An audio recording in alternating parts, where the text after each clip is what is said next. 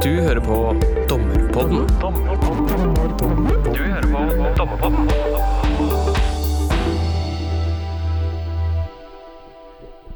Hei og velkommen til denne episoden av Dommerpodden. Vert for dagens episode er eh, Ragnar Lindefjell, og jeg er dommer i Oslo tingrett. Dagens episode er en litt annerledes episode idet vi har gjort et opptak av eh, Geir Engebretsens eh, avskjedsforestilling, i hvert fall en del av den. Eh, den 7. juni så hadde vi et opplegg med mange faglige innslag i Edderkoppen teater i Oslo. Et av disse innslagene var en samtale om rettsmekling, hvor temaet var 'ting gode meklere gjør'. Eh, det var jeg som hadde gleden av å være vert for den samtalen. Og jeg hadde to veldig interessante og spennende gjester med meg. Den eh, ene dere skal få høre, er eh, advokat Camilla Selman. Camilla har en eh, lang bakgrunn som advokat i, hos kommuneadvokaten i Oslo, advokatfirmaet Wiersholm og advokatfirmaet Hjort. Og hun er nå nokså nyutnevnt kommuneadvokat i Bærum. Den andre gjesten er advokat Ola Nisja. Ola har gått sine barnesko hos regjeringsadvokaten i et tiår, og nå er han partner i Vikborg Rein. Eh, og har også en eh, lang og omfattende produksjon bak seg eh, når det gjelder alternativ tvisteløsning. Så med disse to gjestene som utgangspunkt og temaet 'ting gode meklere gjør', har vi altså en, en samtale som varer en 40 minutters tid. Vi snakker om mange ting knyttet til mekling. Alt fra gode forberedelser til antrekk. Og hvis vi skal røpe allerede ett råd som kommer, så er det ikke bruk Mickey Mouse-T-skjorte når du rettsmekler. Med dette så setter vi over til Edderkoppen teater og hører på samtalen om eh, rettsmekling.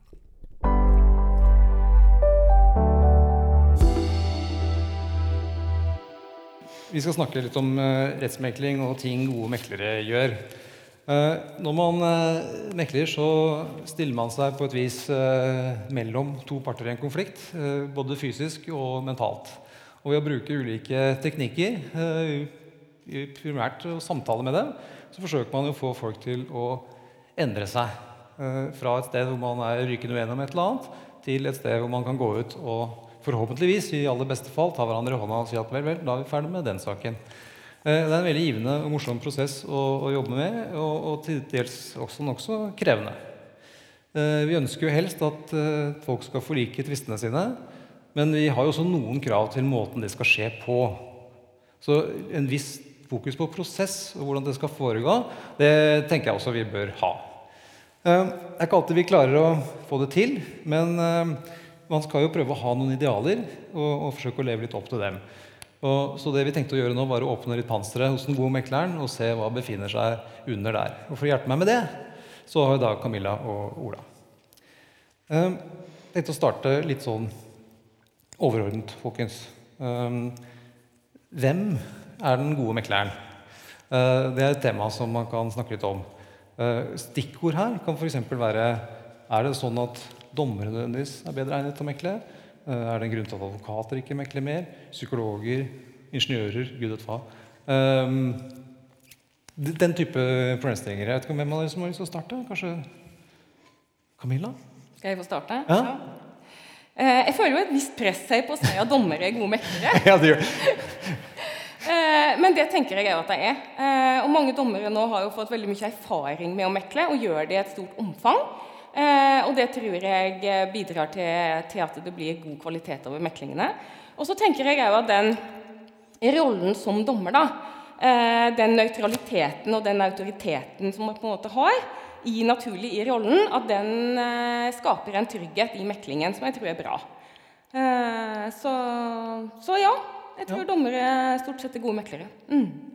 Ola, du er jo representant for den private advokatstanden. Tenker du at eh, er det en grunn til å tro at advokater ikke er like effektive eller dyktige meklere som dommere?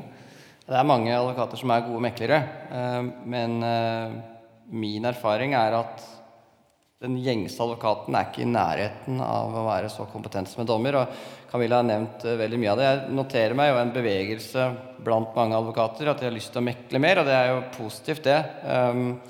Men jeg tror man skal være veldig forsiktig med å tenke at dette skal være et nytt forretningsområde, og derfor så skal vi søke mer mekling. Altså Det må komme fordi man, man, er egnet, og der er det jo mange som er egnet. Arne Engeseth, Ron Rund, det fins en, en, en hel haug som vi bruker ganske ofte. Men det må liksom ikke komme eh, som ledd i da at man skal øke omsetningen i store advokatfirmaer. Da tror jeg man begynner i gal ende. Mm. Det sier jeg ikke fordi jeg sitter her. Jeg mener det. Nettopp. Det er vel eh, omsetningen til de store advokatfirmaene den synes jo å klare seg ganske greit for så vidt på egen hånd også. Så, nei, nei. Men, ingen kommentar? Nei, ingen kommentar. Ingen kommentar. Um, en ting som, uh, som, jeg tror opptar dere, og som vi har snakket litt om også uh, når vi har forberedt oss på dette, det, det er jo betydningen av meklerengasjement og meklerens innstilling, hva, hva, mekleren, hva, mekleren, bringer inn i rommet. Um, det syns jeg er et interessant tema. Ola, kanskje du har lyst til å starte litt om det? Ja, det er igjen da min Jeg har ikke så mange års erfaring, men på de 15 årene som jeg har holdt på, så syns jeg at vi har sett en ganske stor endring der i engasjementet blant uh, meklere. Og meklere flest i Norge er jo dommere. Og det er fra, fra da at man hadde den, en historie som jeg synes var veldig fin, med eh, sorenskriveren i et, et, sted i Nord-Trøndelag som da åpnet opp et møterom, satte fram kaffe og sa her kan dere ikke se om dere kan bli enige. Eh, og så Kontoret mitt er da to knepp ned i gangen her. Si fra når dere kommer til enighet. Til da et helt annet engasjement. Eh, jeg hadde en mekling med Tine Kari Nordengen i Borgarting vi, hvor vi ikke ble enige i meklingsmøtet. Hvor hun sa det er helt greit, det, men jeg ringer på mandag. Og det gjorde hun. Og når vi ikke da kunne si at vi hadde blitt enige, så ringte hun på mandag igjen, og sånn uh, foregikk det. Og hun satte, ga hjemmeleks osv., og, så videre, og vi ble uh, enige. Og det hadde vi nok ganske sikkert ikke blitt hvis ikke hun hadde hengt på sånn. Så det engasjementet der har blitt mye mer. Jeg tror det er helt avgjørende for å få til meklinger. De, de dommerne som man så tidligere, som sa at jeg, jeg, jeg driver ikke med mekling, jeg kan ikke noe om det er ikke helt sikker på hvor, hvor hensiktsmessig det er. Eller de, de, ser vi mye sjeldnere, og, og, det var jo selvfølgelig helt håpløst også. Mm. har du hatt noen lignende opplevelser, Camilla? Eh, jeg har hatt både gode og mindre gode opplevelser med meklere. Eh, jeg har møtt en helt fantastisk mekler eh, her i tingretten som sørga for at vi fikk løst en sak som hadde pågått kjempelenge. Jeg var den tredje advokaten på saken. Eh, alt var kjempevanskelig. Klienten var amerikansk. Denne mekleren stilte opp. Eh, vi mekla på engelsk. Hun var kjempegod i engelsk. Er jo kjempegod på å håndtere en amerikaner som var vant til litt mer uformell omgangstone. Han valgte bl.a. å kalle dommeren ved fornavn, eh, hvilket jo fikk meg til å hoppe i stolen. Men, men mekleren håndterte det kjempebra. og hun ga seg ikke på tørre møkka, og vi holdt på til klokka halv åtte på kvelden, men vi blei enige. Eh, og det, jeg tenker at det hadde man aldri blitt hadde ikke vært for henne og hennes engasjement, og det at hun ga masse av seg selv underveis. Og skapte tillit, så alle parter fikk tillit til henne. Så hadde jeg òg en opplevelse med en annen mekler i den litt sånn den andre kategorien, som når vi kom til lunsj, sa at dette hadde han ingen tro på. Eh, sånn at nå kunne vi ta lunsj, og så fikk vi møtes i fellesmøte. For dette var helt håpløst. Men på en eller annen forunderlig måte så fungerte det òg. fordi at det betydde jo at jeg og den andre advokaten hadde jo fått en slags felles fiende, nemlig denne mekleren, eh, som vi begge syntes var en skikkelig dust. Så vi løste jo saken. Det er en strategi kanskje vi kan tenke litt på. det gjorde jo noe med omdømmet til vedkommende mekler, da. Ja, Men tidlig lunsj, da. Så det får bli et vurderingssak. Fra, eh, mange advokater eh, etterspør mer tydeligere meklere. Eh, det er kanskje en side til dette å være engasjert. Og så har vi jo en, et slags mandat i tvisteloven om at vi skal legge til rette for en dialog og skal søke en minnelig løsning. Eh, men vi skal helst ikke bli sånn mini-voldgiftsdommere. Jeg tenker Det er balanseringen mellom det å være tydelig og engasjert og mene noe om saken, og det å legge til rette for en god dialog. Der tenker jeg det er litt, en del spenning. man kan ha noen ulike oppfatninger om hvordan gode meklere håndterer det. Hvordan tenker du noe om det? Det er masse, det er en materie som er veldig spennende. Um, altså for, og det, jeg jobber jo da i Vikborrein, som ble sagt der. Og, så jeg, jeg, jeg, jeg ser det at jeg kommer fra en litt annen verden enn en, um, altså Dere ser mye, en mye større bredde da, i saker enn det jeg gjør. Jeg tror de som jobber med lignende ting som meg, gjerne ønsker seg at man kommer relativt raskt til, til kjernen. Eh, fordi klientene våre ofte, men det kan, det kan absolutt være avvik der, men, men ofte ikke har det behovet for å få snakka ut i så stor grad som en privat part har. Um, og det, Dette har en side til mange ting som vi sikkert skal snakke om etter hvert, men også dette med fellesmøter versus særmøter. Det var jo, For noen år tilbake så var det en veldig bevegelse eh, i favør av fellesmøter, eh, og som helt sikkert kan ha sin funksjon. Jeg tror at mange privatpraktiserende advokater gjerne ønsker seg raskt over i særmøter, for man ser at eh, da kommer man raskere til løsningen. Ja, nettopp. Mm. Ja, jeg må si at jeg personlig er tilhenger av dommere, som, eller meklere, da, som eh, kan saken godt, og på grunnlag av det tør å mene noe om prosessrisikoen, og tør å si noe om hvor de svake punktene i saken på begge sider er. Og når jeg har en dårlig sak, så ønsker jeg det, fordi jeg ønsker at eh, mekleren skal hjelpe meg eh, og fortelle klienten at du har en del svake punkter i saken din, så du bør tenke på forliket. Eh, og heldigvis er det jo ofte sånn at mekleren sier noe av de samme tingene som det jeg har prøvd å si, som kan skape en, bevegelse der. Og har jeg en god sak, så ønsker jeg jo selvfølgelig at mekleren skal påpeke det overfor motparten, at jeg har en god sak. Eh, men det forutsetter selvfølgelig at, eh, at mekleren har satt seg ordentlig godt inn i saken. Eh, sånn at en har et grunnlag for å mene. Og så tenker jeg at det kommer jo litt an på type sak. Altså Er det veldig mye tungt faktum, der kanskje mye av utfallet egentlig bor på vitneforklaringer, så må en kanskje være litt mer forsiktig. Kanskje være litt forsiktig hvis det er litt sånne, rett, altså litt sånne livsområder der en ikke føler seg helt hjemme. Jeg hadde en gang en klient som vi skulle i hovedforhandling, eh, og vi fikk vite hvilken dommer vi skulle ha. Eh, og klienten ble kjempesur eh, og lurte på hvordan vi skulle få bytta ut denne dommeren. Fordi vedkommende, vedkommende, han, klienten mente at denne dommeren var helt udugelig. Eh, og jeg visste godt hvem dommeren var. Han var ikke udugelig i det hele tatt. Men greia var jo at eh, min klient hadde vært i rettsmekling med denne dommeren innenfor noe komplisert finans et eller annet. Eh, og jeg tipper at den dommeren kanskje da hadde avslørt at vedkommende ikke eh, liksom var helt komfortabel, kunne helt denne finansverdenen. Eh, og dermed så hadde min klient mista tilliten til den dommeren. Så jeg tenker jo at, hvis, at en, en, må jo se det litt an når en går ut og mener ting. Eh, og er en på et litt sånn spesielt eh, livsområde, så får en kanskje heller ta den mer litt sånn tilbaketrukne eh, rollen. Er, er det noen av dere som har lyst til å være veldig konkrete og når jeg spør hvor, på hvilken måte skal dommeren være tydelig? Så på hvilken måte skal vi, kan vi, bør vi kommunisere den prosessrisikoen? Fordi klart, risikoen på andre siden der kan jo være at du blåser tilliten. Eh, Det jeg mener om prosessrisikoen, er jo selvfølgelig din klient veldig uenig i. Eh, Og så risikerer jeg kanskje å Så, så det er hvordan er formen på det, er jeg litt opptatt av. Jeg vet ikke om dere har de samme tankene, om det er en sånn mer, dommer, mer et dommerperspektiv. Tror du, Hva tåler de å høre? Hvordan?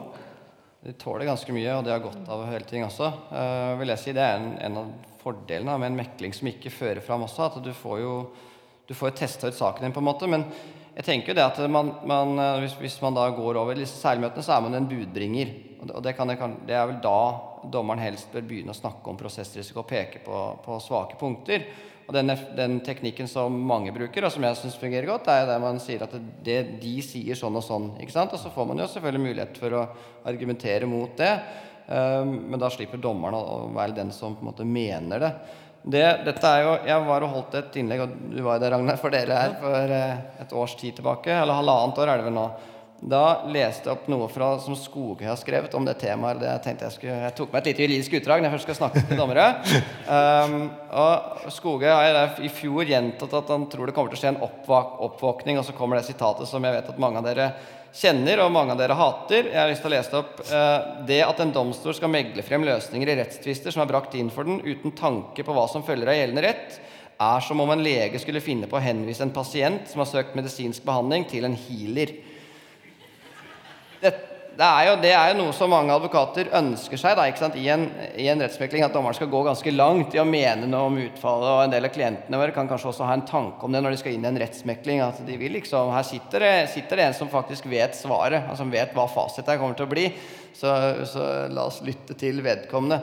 Så skjønner jo, skjønner jo vi som advokater at det er, jo, det er jo vanskelig, fordi prosessen som leder frem til en mekling, er en helt annen enn en, en, en hovedforhandling, da, sånn som den norske prosessen er. Men man kan jo lære seg veldig mye om en sak ved å lese. I, i hvert fall hvis, hvis, advokatene er gode. Og nå, en annen ting da, som uh, ting gode meklere gjør Jeg, jeg tror man kan, man kan, tillate seg å, å litt, noen ganger gå litt vekk fra den vanlige meklingen, som er der dommeren holder et kvarters innlegg, og så får hver av advokatene ti minutter, fem minutter til å holde innlegg, og så et fellesmøte som ofte blir ganske meningsløst på 20 minutter, og så særmøter. Det er ganske mange andre måter man kan gjøre det på som er hensiktsmessig. Det ble nevnt tunge faktumsaker her. Det er jo ikke noe i veien for at man tar inn én eller to, kanskje tre nøkkelpersoner inn i en mekling og lar de få lov til å, å si noen ord. Man kan dra på befaring underveis i mekling. Jeg har veldig sans også for meklinger som settes opp over litt mer tid. Jeg hadde en, en helt fantastisk mekling, en kjempesak i Oslo tingrett for noen år tilbake. Da ble det satt av en måned. Og den saken ble løst. Eh, den parallelle saken er nå tatt opp til doms i, i hovedretten da etter to ganger jeg vet ikke hva det er, fire, fem, seks måneders hovedforhandlinger. Eh, og klienten er, er fortsatt superfornøyd. Da får vi se da, hvis de får en, en, mye bedre resultat i Sverige enn det de fikk i meklingen i Norge. Så kan hende det endrer seg, men, men de, de, savner det initiativet i, eh, i, i, Sverige. Og det er helt sikkert at hvis, hvis man ikke hadde valgt en så fleksibel meklingsordning som meklerne i Oslo tingrett gjorde i den saken, dette, det har stått som det avisen, dette var Troms Kraft og PricewaterhouseCoopers, så hadde det ikke blitt noen løsning. Altså, da hadde det eh, garantert blitt en hovedforhandling. Den, den, hadde ikke vært mulig å løse på en sånn tradisjonell måte. Mm. Det du sier der, er jo egentlig at uh, vi setter pris på litt skreddersøm. Uh, og det er jeg helt enig i, fordi sakene er veldig forskjellige. Uh, og krever da egentlig òg litt sånn skreddersøm i meklingen. Mm. Og da er vi inne på kanskje et sånt uh, tema som kan hele forberedelse til, til en mekling. Uh, hva ønsker dere at uh, mekleren hvilket, hvilket, tidspunkt er det naturlig å gjøre dette? Er det planmøte, f.eks.? Er, det er det et naturlig tidspunkt å ta opp sånne spørsmål på? Om det skal mekles? Ja, nei, ikke, ja, det selvfølgelig. Men da hvordan, som kanskje Camilla var inne på. Skreddersømmen. Mm. Um, for vi er jo avhengig av hjelp fra dere fra for å få dette til? Ja, det vil jeg tenke. Mm. Altså Om det tas opp i planmøtet eller i et e- eget møte etterpå, det, det, tenker jeg at spiller ikke så stor rolle. Men det bør jo Kanskje når, det, når en mekling nærmer seg litt, eh, og vi advokatene har begynt å liksom finne frem den bunken med papirer, mm. eh, så tenker jeg at det er viktig at eh, mekleren undersøker at det er forliksvilje på begge sider, eh, og at en faktisk har noe å gi. Eh, og òg kartlegge kanskje litt hvilke forsøk som har vært gjort tidligere på å komme til enighet. Eh, fordi at det jeg har opplevd å møte i mekling Vi har forsøkt selv å løse saken, har jeg ikke klart det. Møter i mekling. Og det første tilbudet fra motparten er dårligere enn det siste tilbudet i vår eget forsøk på å komme til en løsning.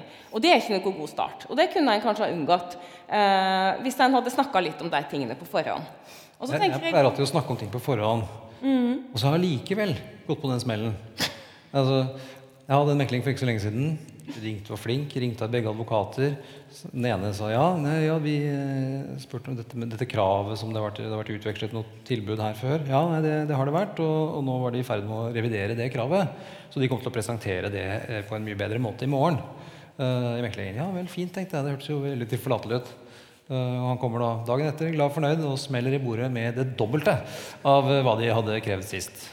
Kunne ikke skjønne hvorfor det førte til litt sånn uggen stemning i, i rommet. Da bruker man hele dagen da, på det. Det er jo veldig lite hensiktsmessig. Men, men, gode meklere har jeg en hypotese om. Eh, ta kontakt med partene i forkant og mm. snakker om hvordan dette skal fungere. Dere, mm. dere nikker. Ja. ja. Ja, absolutt. Og vi sitter jo og lurer på hva er det som forventes av oss. Vil vi irritere mekleren når vi kommer med dette kvarter 20 minutter og halvtimes innlegget? Eller forventes det av oss? Og hvis det forventes av oss, hva slags stil skal det være på det? Det er, det er, utrolig nyttig å ta den samtalen, i tillegg til at man kan begynne å mørne partene. Man, altså man kan, det er jo ikke noe veien for å begynne selve meklingsprosessen i, den, i de telefonsamtalene. Nei, Mekling handler jo på mange måter også om at man skal forsøke da, å ikke la dette bli en sånn juristprosess, men at partene kanskje det er noe mindre grad i de sakene du kanskje holder på med, Ola, men at man i hvert fall i stor grad prøver å gjøre dette til noe som partene føler et visst eierskap til. Jeg har eh, begynt mer og mer, og dårlig gjort kanskje, men sette advokaten litt på sidelinja eh, og oppfordre til at partene selv tar den innledningen. Og det syns jeg fungerer ofte veldig bra. Jeg vet ikke om dere har noe eh, erfaring med det?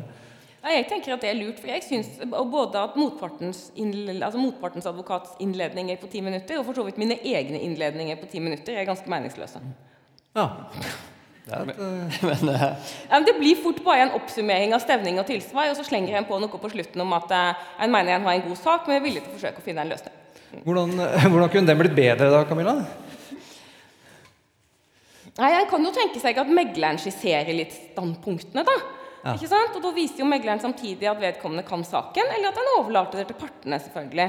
Eh, og Da må vi advokatene være litt eh, flinke til å liksom sette oss på hendene. Eh, fordi parten vil jo fort fremstille saken på en litt annen måte enn det vi gjør, og vektlegge litt andre typer ting. ja, det er litt det samme som rettens innledning i en vanlig hovedforhandling. hvor Hvis den gjøres på en god måte, så kan man spare inn ganske mye tid. Eh, innledningsforedragene. Men tenker, hvis du skal be partene om å holde, eh, holde innlegg eller innledning eller ta ordet på begynnelsen av meklingen, så tenker jeg i hvert fall det er noe som bør kommuniseres til dem i forkant. Jeg tror mange kan bli satt ganske ut, for de fleste har jo ikke vært i veldig mye meklinger. Nei. Fordi eh, han kommer. Eh, Du nevnte å bli satt litt ut, Ola, et, eh, når vi først nå snakker om dette meklingsmøtet. Eh, Det er jo en arena hvor folk kan bli litt satt ut. Og Det kan bli litt emosjoner, og det kan bli litt krevende alt sammen. Eh, Hvordan håndterer gode, gode meklere sånne, sånne situasjoner? Ja, Der tenkte jeg faktisk at jeg, ikke, at jeg ikke trenger å si så mye om det selv. Men jeg holder innlegg på advokatkurset, og der forteller jeg det at eh, da jeg i begynnelsen av karrieren min gikk i retten med sånne avvenningsnå kapittel 3-saker, så hadde jeg ingen uten at en eller annen begynte å gråte. Det være seg et vitne eller part. Jeg tror ikke jeg opplevde advokat eller dommer som gråt. Men jeg slo opp der i, i ledende meklingslitteratur eh, i Norge. Eh, 'Mekling i rettskonflikter', skrevet av Anne Austbø og Geir Engebretsen. Og der fant jeg et veldig interessant kapittel 1117, 'Håndtering av følelser'. Det var en veldig rasjonell tilnærming til følelses... Ja, Rettskildebasert tilnærming. ja. ja. Og der, og det, der sto det noe som ikke stemte overens med det, de der eh, dårlig drenering og dårlig badsakene mine eh, tilbake i 2004-2006. Der står det, står det at den tradisjonelle domstolsbehandlingen av konflikter gir lite rom for utslag av følelser. Normalt opptrer partene formelt og rolig i retten. Og da jeg leste det, så tenkte jeg at Austberg Austbø Engebretsen nok har en betydelig grad av respekt da, i retten, for jeg syns ikke det er alle som opptrer formelt og rolig. Men så kommer det de gangene følelsene likevel tar overhånd, og noen begynner å gråte i en rettssal, vil ofte forhandlingene stoppe opp. Alle lurer på hva de skal gjøre for å få stanset gråten raskest mulig. Det er det jeg føler når et av barna mine begynner å gråte òg. Så kommer det en ganske grundig analyse. Så står det videre mekleren bør være nærværende, men skal ikke være en gråtekone. Så der har du vel eh, normen. Og så syns jeg siste setning også var så flott, for der står det da i, i punkt 11.17 før det er 11.18 se fremover, ikke bakover. Vi er ikke alle like flinke til å takle gråt og sinne hos andre voksne mennesker. Det er vel også ganske riktig. Det er livsvisdom. Dette handler vel også litt om tilpasning, da, ikke sant? altså skreddersøm og det å tilpasse seg den konkrete eh, situasjonen. Så der, der har vi liksom ledende litteraturs svar på den problemstillingen.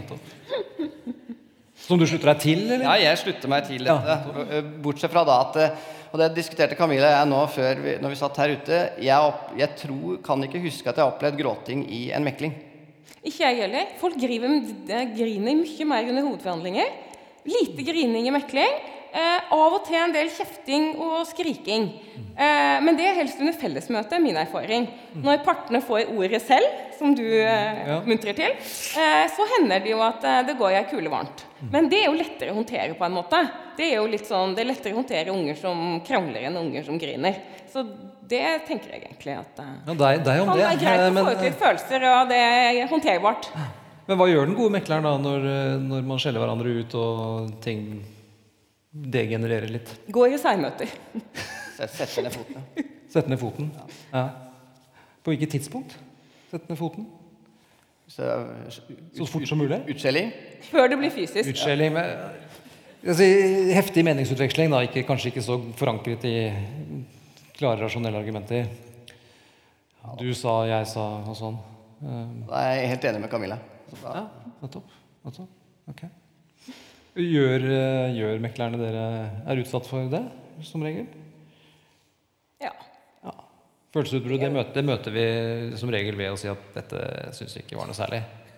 Ja, altså jeg føler litt ofte at Da er jeg på lag med mekleren. Da er det på en måte mer profesjonelle partene på en måte som ser litt på hverandre og utveksler blikk og tenker litt sånn er dette hensiktsmessig? Og så er vi vel egentlig enige om at nei, det er ikke særlig hensiktsmessig, og så roer jeg en situasjonen, og så går jeg igjen i seigmøter. Mm.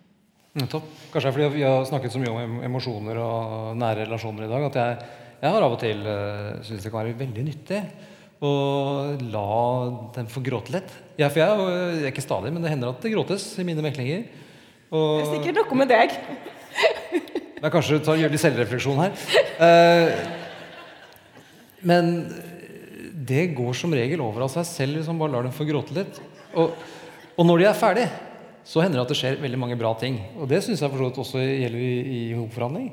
Eh, Man trenger ikke å løpe med fram med, med Kleenex og vann og pauser. Man kan bare la dette få lov til å utspille seg litt. Og når trykket er ute av den kokeren, så har i jeg opplevd at eh, det kan føre til bra ting. Det kan gjelde både sinne og, sorg og gråting og hva det måtte være. Eh, Men der er dere tydeligvis litt mer to the point. Bra. Kanskje vi bare skal Men jeg la, det veldig, la jeg har veldig ligge. lyst til å ha en mekling med deg igjen. Jeg. Det, vi har hatt en mekling sammen, får vi opplyse om, eh, som ikke ledet til forlik. Det er ikke riktig, fordi den Ja. forlik på trappene til Borgarting lagmannsrett Ja, skulle vært ankeforhandlet nå i juni. Ja, det er I riktig. disse dager, faktisk. Ja. Men er det naturlig å tenke at det er en årsakssammenheng? Det, vi, det, er, det er det han lurer på nå, om den meklingen fra tre år siden om den ledet til et resultat. Men det, det har jeg, prøver jeg å være flink til å si til dommere eh, når, hvis de spør meg om mekling. Så eh, en mekling som ikke leder til resultat, vil veldig ofte hjelpe oss i å finne et forlik senere. Og det, og det var helt klart tilfellet her, Ragnar, siden du nok en gang spør meg om, eh, om det. der. Så det var årsakssammenheng? Ja. ok, bra. Takk, takk. Eh, Det stoppet, eh, det stoppet litt opp her da, da, vi hadde fått denne følelsesutladningen. Um, og da mitt spørsmål hva gjør eh, den gode mekleren når det stopper litt opp i, i et meklingsmøte? Man, man, forhandlingene kommer ikke videre. Det er bare, det er bare leit og trist. Hva, har dere noen gode erfaringer med hva gode meklere gjør da? For å få litt raketten til å begynne å blåse igjen? Ja, både pauser og hjemmelekser. Da. Det, I den uh, meklingen jeg nevnte med, med hun Tine Karl Nordengen, så, så fikk vi nettopp da lekser uh, da vi gikk ut av, av meklingsrommet uh, den dagen. Så det, det er jo én teknikk. Det å be, be noen ta seg en luftetur og tenke litt, og med noen, med noen innspill, det vil jo ofte fungere. Det, er- det er det som er fint da, hvis man har en mekler med tillit, at du, det som det mekleren sier, altså den typen budskap som mekleren sender til partene, det, man tar det med seg. Man kan alltid lure på det når man snakker til noen. Er, blir jeg lytta til? Er det interessant det jeg har å si? Men det, det blir lytta til. Så bare det at en, en mekler sier Tenk litt på disse tre tingene her, og ta dere nå en halvtime. Da gjør man jo nettopp det. Ja, en kan jo forsøke det, og bare forsøke å avbryte hele meklingen, da. sånn at advokatene får en felles fiende. Ja. Nei, ellers så er jeg veldig enig i det du sier, altså. At uh, gi noen sånne hjemmelekser. Uh, men av og til så går det jo bare ikke heller, da. Det er jo noe med det. At uh, av og til så, så er det ikke mulig, av og til så trenger det mer modning. Og det er kanskje en sånn ting som, som er en liten ulempe med rettsmekling sånn som det fungerer i dag, da. Er, er liksom det at kommer du ikke til enighet på den ene dagen som er satt av, så er det ferdig, på en måte. Eh, da er det jo sjelden sånn at eh, en tvinges til å gå hjem og tenke seg om en gang til, og så møtes igjen 14 dager seinere. Eh, som kanskje kunne fungert i noen saker. Og òg litt det der i forhold til å tenke på Vi får jo hele tida høre i sånne forhandlingsteknikkseminarer og sånn at en skal forsøke å gjøre kaka større og disse tingene, og tenke på omkringliggende problemstillinger og sånn. Og det er jo òg litt sånn vanskelig egentlig når du har den ene dagen til rådighet, men som kanskje kunne vært lettere å få til hvis en skulle møtes igjen. For da kunne en kanskje hatt mulighet for å se på litt mer sånn omkringliggende ting. da. Jeg tror det hender av og til at vi og for din historie fra Borgarting eh, illustrerer jo nettopp det. At man, eh, det kan jo være en, en god idé at en god mekler vil følge opp etterpå og si at ok, dette gikk kanskje ikke, men hvor er det det strander nå? Er det den sakkyndige uttalelsen? Er det den befaringen? Det den, skal vi gjøre et eller annet grep, og så møtes igjen, f.eks.? Mm. Um, jeg tror kanskje det kan være noe som vi kan bli flinkere til, har jeg en følelse av. I hvert fall uh, hvis jeg skal snakke for, for egen del. Ja, jeg tror det. Jeg har aldri opplevd at, at en mekler i etterkant av en mislykka rettsmekling har tatt tak i saken igjen. Men det har jo hendt at vi advokatene har gjort det. Eh, ikke sant? Og at vi klarer å finne en løsning i etterkant. Mm. Har det noen gang hendt at du har eh, bedt om å få et nytt meklingsmøte, eller da går, da, går, dere på gjør dere det selv? Da gjør vi det sjøl, ja. ja. Da, liksom, da, fikk vi ikke flere forsøk? Nei. Nei, Nei jeg skjønner det. Uh, Ola, du er jo også litt opptatt av dette med stil i møtet. Altså formell kontra uformell stil. Eh, hvordan opptrer eh, gode meklere i meklingsmøter? Eller hva kan man tillate seg? Kan man, eh, kan man være dus? Kan man gå uten slips? Altså er det, hvordan fungerer egentlig dette sånn i din verden? Ja, eh, Vi har ikke dresskode hos oss, da, bare sånn at det er sagt. Nei, uh, nei men um, det som Når du stiller spørsmålet, så tenker jeg på en historie som jeg hørte da jeg jobbet hos Regjeringsadvokaten. Fordi Elisabeth, som sitter på tredje rad, hun var så grei at hun sendte meg til Trøndelag så ofte som embetet eller staten ble saksøkt i Nord- og Sør-Trøndelag, fordi jeg hadde en kone som var dommerformektig på Fosen. Og der oppe reagerte advokatmiljøet veldig på en mekler som hadde meklet i en Mikke Mus-T-skjorte. Sånn som det ble beskrevet, så var det en T-skjorte med et stort bilde av Mikke Mus på. Og det, jeg kommer fra Toten, og føler at jeg, jeg, jeg, er ikke så veldig streng på hvordan folk eh, kler seg. Eh, men, eh, men det syns jeg kanskje var litt i voldsomslaget. En annen ting som vi hører noen ganger, er jo sånn Vi kaster slipset. Det, jeg setter veldig pris på at du også har slips på deg. Mm. Det er litt sånn, det tenker jeg også er det er ikke gitt at det trikset der, da, men som sikkert er, er fint å lære på kurs, og som høres ut som da blir det, da blir det hyggeligere stemning, men jeg er ikke sikker på om det liksom nødvendigvis fungerer i alle saker. Eh, det er litt sånn hva, hva syns du er komfortabelt å gå med. Mm. Um, men jeg, tror, jeg har troa på å få Hvis du skal få en dialog, en mekling, så, så må du bort fra et sånn hovedforhandlingsspor. Naturligvis, altså. Og da må det nødvendigvis bli mer uformelt. Om man skal gå på fornavn og etternavn i saker som jeg jobber med, så er det kanskje ikke så veldig naturlig å sitte og kalle folk for Kari og, og Per. Og for meg vil det være helt unaturlig å omtale en dommer med fornavn, selv om jeg jo kalte deg for Ragnar i stad. Lindefjell. Men, eh, men i, en, eh, i, en, mekling så vil ikke det falle naturlig. Du vil ikke forekomme? Nei, nei, jeg vil ikke det. Nei. Camilla, i spennet fra Mikke Mus til uh, slips har, Nei, jeg har du noen sterke synspunkter? Ja? Jeg må innrømme det at jeg, tenker, jeg reagerer ikke på Mikke Mus-T-skjorte. Jeg tenker at Mikke Mus-T-skjorte kan være en skikkelig icebreaker egentlig, i, uh, i en sånn setting. Og de fleste eh, som kommer inn i en mekling, eller som i det hele tatt opp, kommer eh, i domstolene, eh, har jo en enorm respekt for institusjonen og syns jo dette er kjempeskummelt. Eh, og da tenker jeg at eh, litt, det å være litt uformell kan være en ok ting. Og jeg nevnte jo det eksempelet med den amerikaneren min som tiltalte dommeren med fornavn. Eh, og det, jeg tenker at det, det var nesten helt nødvendig i den settingen. Eh, og var med på å skape en veldig god eh, atmosfære. Eh, men, så, men, det er jo an, altså, en må se an saken, da. hvis du kommer i en gjeng med bankfolk, liksom, så er, funker sikkert ikke Mikke Mus-T-skjorte så godt. Men kommer du, kommer du, med en arbeidstaker fra anleggsindustrien, så tipper jeg at Mikke Mus-T-skjorte slår an. Okay. Um, men så har jeg jo hørt jeg, snakket, jeg har diskutert dette litt med kollegaene mine. Da. Jeg har plutselig liksom hørt litt hva de tenker om det. Og Da var det en kollega av meg som fortalte at hun hadde vært i en mekling med, det, med en litt eldre dommer som hadde vært veldig formell i fellesmøtet. Eh, men som på en måte, når han gikk i særmøter, hadde mjukna veldig opp og blitt mye mer uformell og veldig sånn koselig bestefaraktig type. Og at Hun mente at det hadde fungert veldig bra. For da fikk du på en måte satt litt den formelle ramma om meklingen. Nå er vi i domstolen, dette er en viktig ting det er en viktig dag. ikke sant? Alle må, alle må oppføre seg ordentlig, taushetsplikt osv.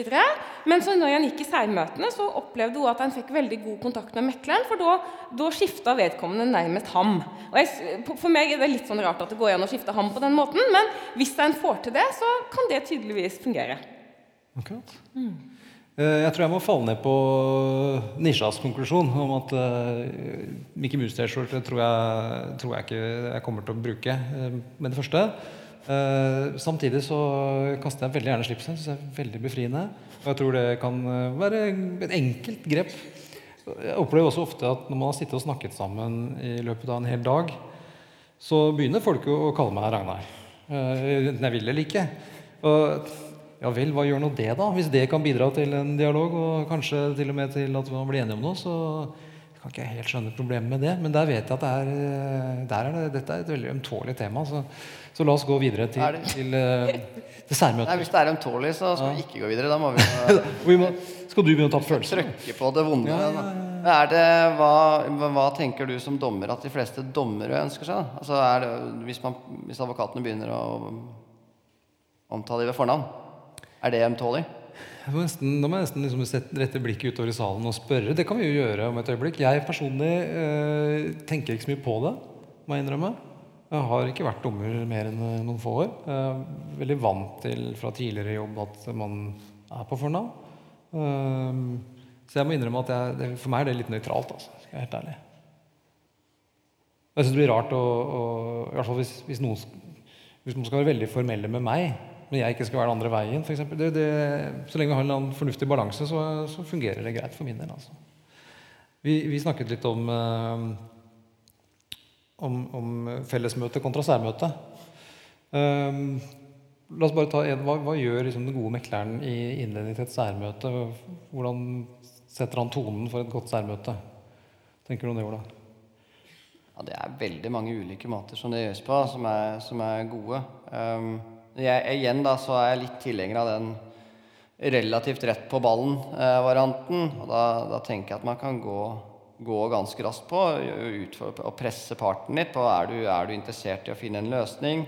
Hva, du, hva tenker du er de svake punktene? Og- Og så stille, stille den type spørsmål til parten. Hva tenker du når de sier sånn, sånn, sånn? Ja, gå litt, gå litt rett på. Eh, men altså, dette må jo tilpasses, da, fordi noen er ikke modne for at man gjør det. Da får man, får man jo holde igjen litt og, og ta litt sånn eh, koseprat først. Camilla, Camilla, tenker du at i et sånt første særmøte eh, Hva syns du fungerer best? En, en dommer som går rett på og skal finne forliket med en gang, eller skal man gå litt, litt nemsomt fram der? Jeg tenker at Det kommer helt an på hva slags part det er som sitter der. Ja. Fordi Hvis jeg representerer en kommune, så vil jeg helst bare gå rett på. Det er ikke noe vits i, og det er ingen som har behov for å tømme seg eller bli hørt. eller noe sånt, så det er bare å gå rett på. Men sitter du der med en privatperson som har for eksempel har blitt sagt opp, eller noe lignende, så er det helt annerledes. Og Da tenker jeg at det er kjempeviktig at mekleren tar seg tid til å lytte til den parten. Eh, sånn at vedkommende, vedkommende vil fort ha et behov for å fortelle sin historie og forsikre seg om at mekleren skjønner saken sett fra den privatpersonen sitt ståsted. Eh, sånn at For å på en måte få tillit som gjør at du kan komme til en løsning, så tenker jeg at det er kjempeviktig å lytte til de private. Og Så får heller de arbeidsgiveren i det andre rommet sit- sitte og vente litt. Og Når jeg representerer arbeidsgivere, så sier jeg at eh, forvent at mekleren bruker mye mer tid inne hos arbeidstakeren enn inne hos oss. Eh, Sånn er det bare. Er det, er det alltid sånn at eh, på arbeidsgiversiden så man, har man ikke noe behov for å ventilere og ikke noe behov for å få, få fram sin sak overfor mekleren? eh, i- eller i vesentlig mindre grad enn arbeidstakersiden? Er det, I vesentlig mindre grad. Du synes det? Men det handler jo mye om det handler om at den arbeidsgiveren, der sitter det jo en representant for arbeidsgiveren. Hvis det er en kjempestor organisasjon, så er det jo en HR-direktør eller, eller en eller annen leder som ikke har vanligvis ikke det sånn personlige forholdet til saken. Det er en del av jobben for deg. For arbeidstakeren så er det jo livet. Selve Men livet? jeg kan skjønne, for jeg representerte en del arbeidstakere. Da jeg brenner. Jeg er også veldig enig i det. er, det er jo, når jeg sier det med rett på, så får jeg si to ting. Det ene er igjen av disse type sakene som jeg jobber med i dag. Det andre er det at eh, jeg opplever nok også det, at de fleste meklere i dag går ganske så rett på. Um, så det er, ikke, det er ikke sånn at um, Jeg tror ikke advokatene der ute føler at det er noe stor mangel, men man ser på det som positivt. Og det, og det betyr ikke å gå rett på og begynne å skvi, ta, ut, uh, ta ut tilbudet med en gang. Det har jeg ikke noe tro på. Altså. Jeg tror liksom, du må gå noen runder, og du må mørne. Det er jo det er det man oppnår. fordi det å prate sammen, sånn som Camilla har vært inne på tidligere, det klarer vi jo uansett. Men uh, du får ikke til den mørninga da, som, eh, som leder til et forlik. Nødvendigvis. Nei. Eh, jeg tenkte vi kunne ta um, kanskje et par minutter på slutten med sikkert mange som brenner inne med masse gode spørsmål til dere. Eh, men, men, eh, men bare før det så har jeg lyst til å bare ta et, et lite tema. Og det er den aller siste fasen typisk i eh, de typiske mekling, hvor det handler om å prøve å bygge en bro eh, mellom beløp A og beløp B. Um, og jeg tror, i hvert fall jeg opplever det av og til som en nokså langdryg prosess og en nokså frustrerende prosess, og en prosess som ofte utfordrer alle de fine meklingsprinsippene som jeg ofte forsøker å ha med meg. Um, og En av grunnene til det kan jo av og til være at uh, parter og advokater er veldig nølende med å gå den veien som er nødvendig, selv om alle vet egentlig hvor vi havner. Hva, og der ofte så finner jeg meg selv litt sånn Hva gjør jeg nå? Hva gjør egentlig den gode mekleren for å, for å få til den bevegelsen som er nødvendig i en, en sånn siste fase? Dere, kan dere hjelpe oss litt med det? Det syns jeg er veldig vanskelig. Eh, og det er litt vanskelig som advokat òg. Ja, ikke sant? Eh, og eh, jeg hater jo sånn eh, pingpong. Fordi den andre siden har gitt 20 000, så må vi gi 20 000, eller om det er 200 000 for den saks skyld. Eh, og så går det frem og tilbake, og så havner jeg igjen på midten. Og det kunne vi jo fortalt alle på forhånd at det var det vi kom til å havne. Eh, sånn at eh, For jeg tenker jo kanskje av og til at mekleren burde skjære litt igjennom, da. Eh, og bare si at hva med å møtes på midten, liksom? Så slipper vi disse rundene frem og tilbake og frem og tilbake, og 20 000 her og 20 000 der. Ja, så har med den teknikken som kan være litt farlig fra meklerens side. men Det er å spørre partene nå er vi der, dere, kom, dere kommer ikke noe nærmere, skal jeg foreslå en løsning. Men da tenker jeg, da har du jo brent ganske mye krutt. da. Det er jo, Ellers er det jo dem som vi ikke har snakket så mye om i dag, men som er, eh, er at mekleren legger litt heftig press på eh, advokater og parter. Og det, det tenker jeg det, det, vil jo gjerne fungere sånn på slutten, eh, når de er litt slite. Men man skal være litt skal være bevisst et par ting der. Jeg syns jo både, særlig kanskje dommere som, som mekler, at man er bevisst de litt yngre kollegaene som, som kommer fra advokatfirmaet, altså de yngre, yngre advokatene, at de de er ikke vant til dette her. Altså, og det, det, er jo bra at man korrigerer for, for eh, dårlig atferd i domstoler, men man må huske på at disse er ikke utlært, og de er ikke, de er ikke så godt bygd for å tåle det presset fra en dommer. Og Der er den der dommen fra 1994, eh, advokatfullmektigdommen, eh, hvor, hvor da prinsipalen ble holdt erstatningsansvarlig for fullmektigens eh, elendige forlik. Som, eh, og Det fremgår både av den dommen og historikken at det var et visst press der fra sorenskriveren. var det vel i det tilfellet. Mm. Så det er ganske illustrerende, ganske, ganske interessant lesning eh, omkring det temaet. Så fa litt eh, pent fram med de yngre. Eh, men, men eh, press fungerer. Mm. Det er jeg helt enig i. Det... Da fikk vi jo en veldig enkel balansegang av dere, da. Så takk for det. Presse bare akkurat nok at det ikke blir for mye. Ulikt press etter alder. Mm. Og aldersjustert press. Ja,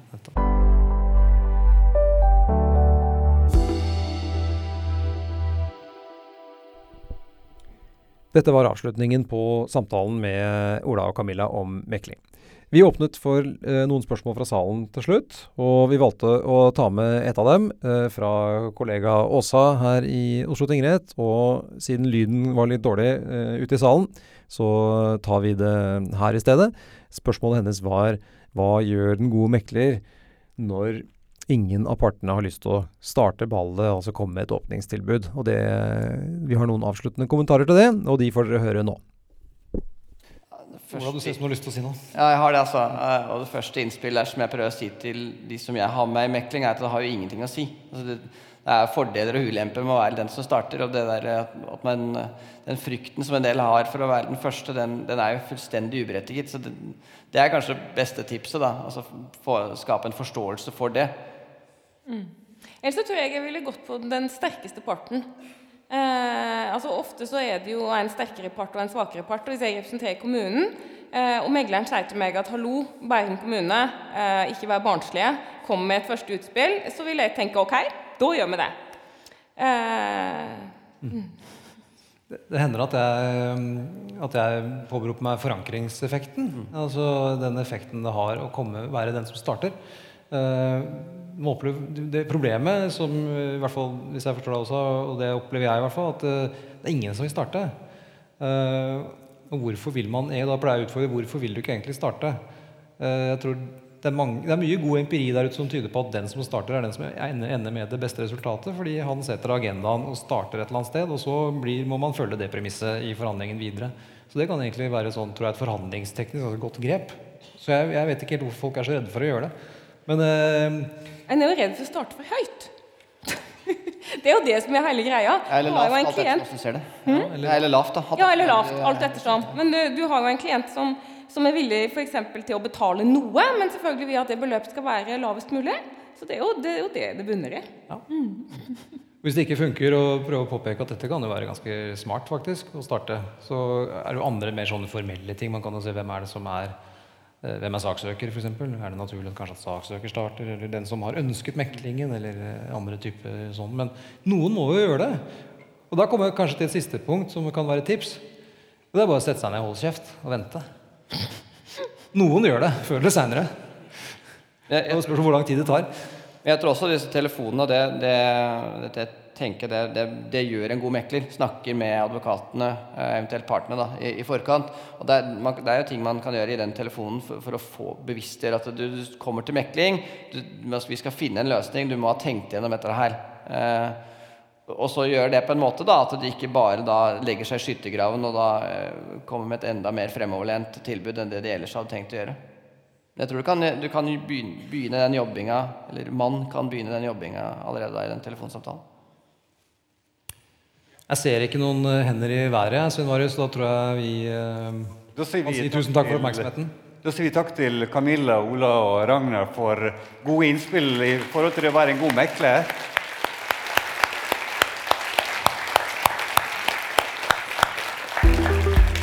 Har hørt på Dommerpodden. Dommerpodden er en podkast fra Norges domstoler, og er først og fremst ment som et kompetansetiltak for dommerne. Foreløpig er dette et eh, prøveprosjekt, og vi som lager podkasten, er interessert i å høre hva du syns. Hvis du har ris, ros eller forslag til temaer eller folk vi kan prate med, så blir vi glad for å høre fra deg. Send en mail til podkast at domstol.no, og gi oss en mulighet til å bli bedre. Ha en god dømmende hverdag så lenge. Vi høres.